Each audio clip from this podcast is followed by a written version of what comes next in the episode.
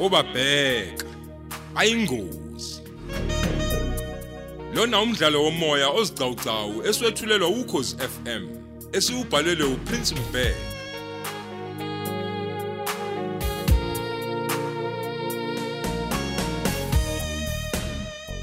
lesi isiqebu seshumi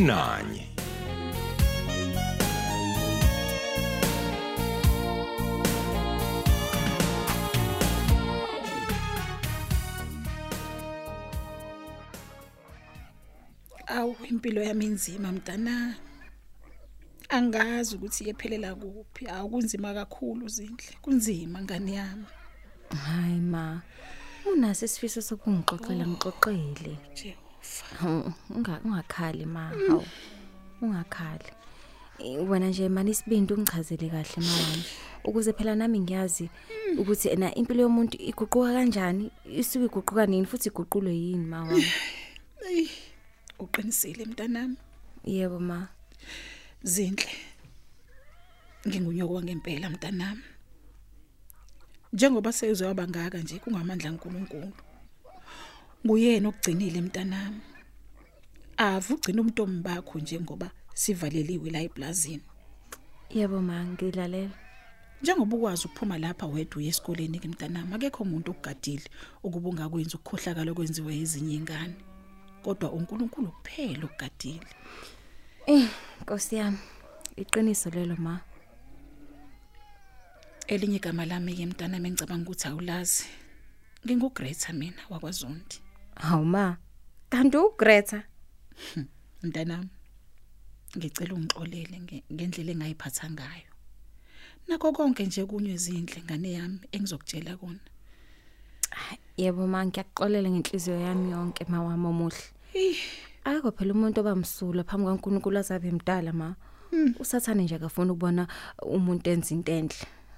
Kulungileke mama, usungaqhubeka. Ekhaya kusegama lakhe kamazakhele mntanami. Mhm. Seli- Sekuphela iminyaka engamashumi amabili ngagcina ukuya ekhaya. Ah, uNkulunkulu wami. Kunjalo mntanami. Okusho ukuthi ke amagama akho uma esephelele ujabulisiwe Greta Zondi. Kunjalo impela ngane yami. Kulungileke. Singaqhubeka ma. Uthi basakhona kodwa bona kulowo muzi. Hayi ke ngalapho ngane yami hayi angazi kwangempela.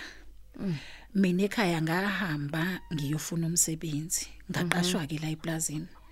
Ilapho ngafica khona yena kubaba wakho uThulani naye seneminyaka ecishe ela ishumi ya engalibhadi kubo. Evinjwe yiyo wena lo mlungu njengoba sasivimbile kwayithina namhlanje. Hibo. Mhm. Hayi. Hey, wasiwayinjena ngomlungu. Mina ke ngafika la eplazini ngineminyaka engamashumi amabili ubudala. Izwa nje, usemncane ma. Eh, zinhle mntanami. Ekhaya ngihambanga kahle neze ingane yami. Kwenze njani? Ngaxoshwa ubaba wami ke ngoba ngikhulelwe. Lo mntwana ke washona. Hawu, kodwa ma wami ncese. Ncese ba wami. Indlela engahlangabezana ngayo nokukhulelwa lokho kwangiphoqa ukuba lo mntwana angaphili. Hayi. Imaki, ngathi ngiyasala kancane ke manje ma. Uqonda ukungitshena ukuthi eh lo mntwana wabulawa wena ngenhloso. Impela zinhle mntanami kwaba inhloso. Eh, hibo. Engabe kokwenza njani ke bo? Hey. Qhubeka ngizwe ma. Hayi zinhle. Abafana ngane yami. Abayonto udlala. Ave kuthiwa bayalibulala ikusasa lomuntu bakushiya uncele ithupha. Uhleke ngisho nayo inyoni ngane yami. Akumanga kuyafiwa lapha yana. Ngeke ubamele mntanami. Bakhohlisa lento embi lento enosathane phakathi ngane yami. Hey Nkosi yami. Ngathanda nomfana wakaceleke esasifunda naye esikoleni eh e- e- eMgamule High School kwaDeshula. Nokunguyena ke futhi owadlala ngami mntanami nomntombi bami basala lapha esikoleni. Hawu. Kanjani ke manje? Kwase kuyinhlala yenza ke mntanami ukuba makuyilunch nje hawu sisabalele yonke indawo nje phela esikoleni sethu ayisasiyigcanasela njengani yami. Kunzima ke ukuphila la ngaphandle ma. Hey. Balulalisa ulima abafana mntanami. Ey ungaba libali nakancane ngane yami. Ayike kuthi ngonyaka olandelayo lo mfana wakacele ayosebenza eThekwini. Ngisale dengwaneke mina. Hawu. Mhm. Ya ngilalele ma. Kucaceke ukuthi isikole sethu siyaphuma ke e- emidlalweni indawana thizeni kuyovakashwa. Hayi lo mfana mana ngithumelela imali yokuba ngimvakashele khona lapha ehostel phela wayesehlala khona. Mhm. Hawu ngaphuma ekhaya njengomuntu oyemidlalweni we shwi eThekwini.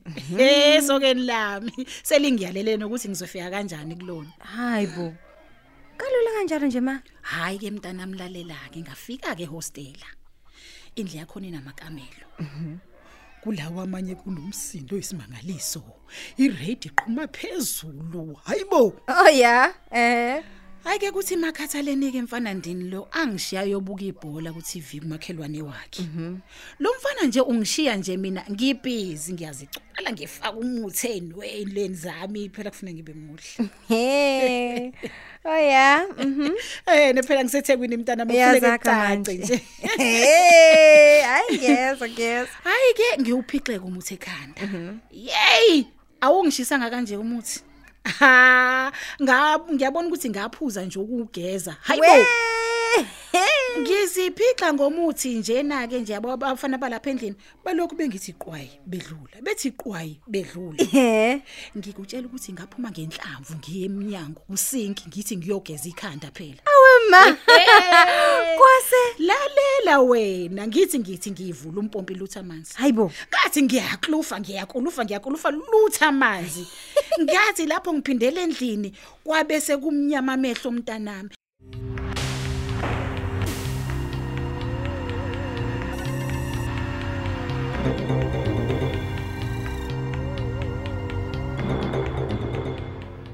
Hello, Mr Piet. Hey Malcolm, unjani ndoda? Hayi hayi siyancenga ndoda yamadoda. Kuhamba kanjani kuwe ngakuwe? Hayi. Akukho inkinga ndoda. Manje lalela. Ya ya, ngilalele Piet. Kade kufika abantu lapha. Bathi ngibadayisele ngesikhumba sebhubesi. Oh ya, oh ya, wa- wa- wabanika. Hayi kona. Angibanikanga. Kithe ngizobafonela khona maduze. Bazozilanda ngoba zikho futhi lana eduze. Awu. Empeleni awubanikanga ngani? Ngoba ngicabanga ukuthi zikhona lapho kuwe. Hayi. Ngivele ngangazi ukuthi ngizobabiza malini. Ngifona nje ndoda ngoba ngidinga icebo kuwe. Oy. It's a bit difficult ngoba kunzima ukuzithola izikumba lezi zingidlala. Okay, lalela ke. Ya, ngilalele Fanzile. Mina ngibona ukuthi babize inkulungwane ngesikumba esisodwa esiphelele. Ya, akuzolunga lokho. Nayi. Ake sithi ukuba ngaphezudlwana kancane. O- Okay, okay. Ake ngifike lapho khona ngizobona ukuthi ngikhuluma ngani, uyabona? Hawu hayi, iselihleke nalelo. Ngizokulinda ke ndoda, bye. O- Okay, I'm, I'm coming now.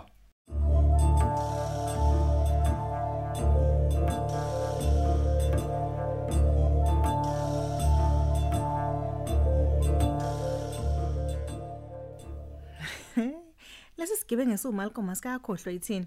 Hawu lutho, futhi usekude kabi ukusikhohle. Kaze uyapi manje?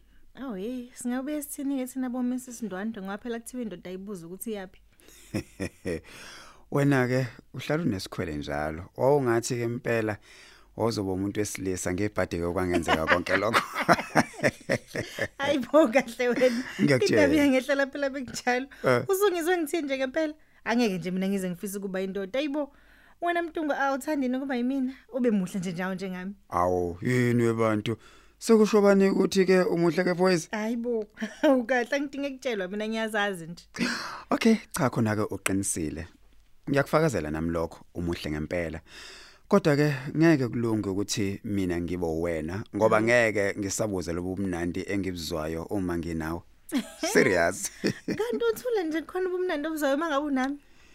Angithi nawe uyasho nje ukuthi umuhle. Uthi ke mina ngenze njani ke makunjalo? Ngizwa kahle. Imake uyathanda yini wena phoyisa ukuba yimina? Habe, ngoba kwenze njani manje? Ngicela uphendula umbuzo yebo noma cha. Hayi cha. Hayi. Ngiyazibonela ke nami ngoba kusho ukuthi nginezizathu esifanayo. ngeke phela ngisabuza ukuthi kumnandini ukusebenza nami ngoba uyabonakala ukuthi inhliziyo yakho ivele bemhlophe qwa ifuna vele kunjalo nginaba ke uzothanda bokukhuluma inhliziyo yami.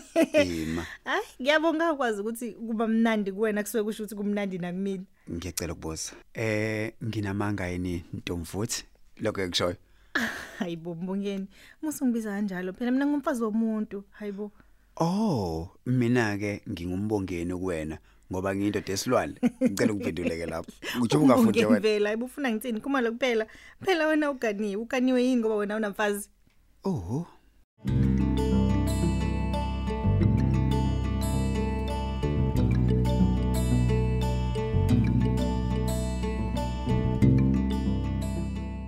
Yini webantu ngizoke ngizwe. Uma ngibheka ke nje hayi kwaba ukweqa nje eminyango wekamela engangihlala kulona ngavele ngashayeka phansi ngaquleka. Hayibo. Uwedwa endlini ma. ngikutshela ukuthi angibange ngisabona lutho umntanami ukuthi yini eyenziwa nini yenziwa ubani kanjani angazanga lutho kuze kube namhlanje angazi Oh Nkosi. ngangiqulekile ngempela mntanami ngaphaphama lapha amehlo ami embozwe ngehembe lalomfana engangizothi mangiqeda ukuyicwala ngile ayini Hayibo ma. ukhona ke lo wangibona ukuthi ngiqulekile wayitika ngami mntanami Hayibo. Ekudlwengula ungaboni? ngikutshela isiminya ngani yami angizange ngibone lutho kwangempela mhlawumbe wayengeyedwa nje kwazibani Hawu kodwa mana. mntanami ngaphapha masekukhalibha ungahane endlini ngisele ngedwa qaba nokushisa kwekhanda wasekuze kwadamba mntanami Hayibo. ekutshela Hey, hayibo ma. Ithi ngabankulu ingabe sazekeka. ngaleso sikhathi ke mntanami lo mfana ubhizi ubuka ibhola emzini yabantu mntanami Hawu Nkosi yami, awu akazi bandla. Ey, kwakuvele kungicasule ke kwaloko kuhamba kwakhe. Ngoba ngazi noma wayebuka ibhola ngempela yini noma wayeyobheka ezinye intombi zakhe. Azaneli phela lezi zinto. Hey Nkosi, eh kodwa. Sekuthi makhathaleni ke mntanami uma ngiyobheka eminyango ukuthi akakobuyini amanzi. Mhm. Lutho amanzi awekho. Kodwa ngapha komakhelwane ayaphuma amanzi empompini yabo. Awu. Okusho ukuthi omunye walabafana wavala isishu kaMpompi. Kwakungeve phelile amanzi. Oh, okusho ukuthi babevele bazi ukuthi uzok uzokushisa umuthi ekhanda. Hey mntanami. He, hayi. Ngavele ngageza ke mntanami ngashintsha ngaba muhle. Yeah. Yeah. Wafika lo mbhemu. Kwashaya isikhathi wangiphelezela. Phela ngangijaha ibhazi phela leli livele emidlalweni ukuthi lingaze lisuke lingishiye. Mhm. Mhm. Kanti ke ngibuya njena ke mntanami sengibuya nesiso. Ngikhulelwe. Hawu. Manje ma u- uzothi esikabani lesisu? Nanso ke phela inkinga la yaqala khona mntanami.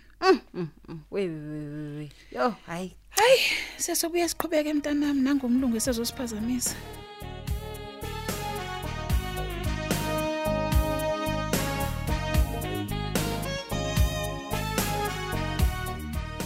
Siphela lapho ke isiqephu sethu esethulelwa ukhozi FM esithi obabheka bayingozi.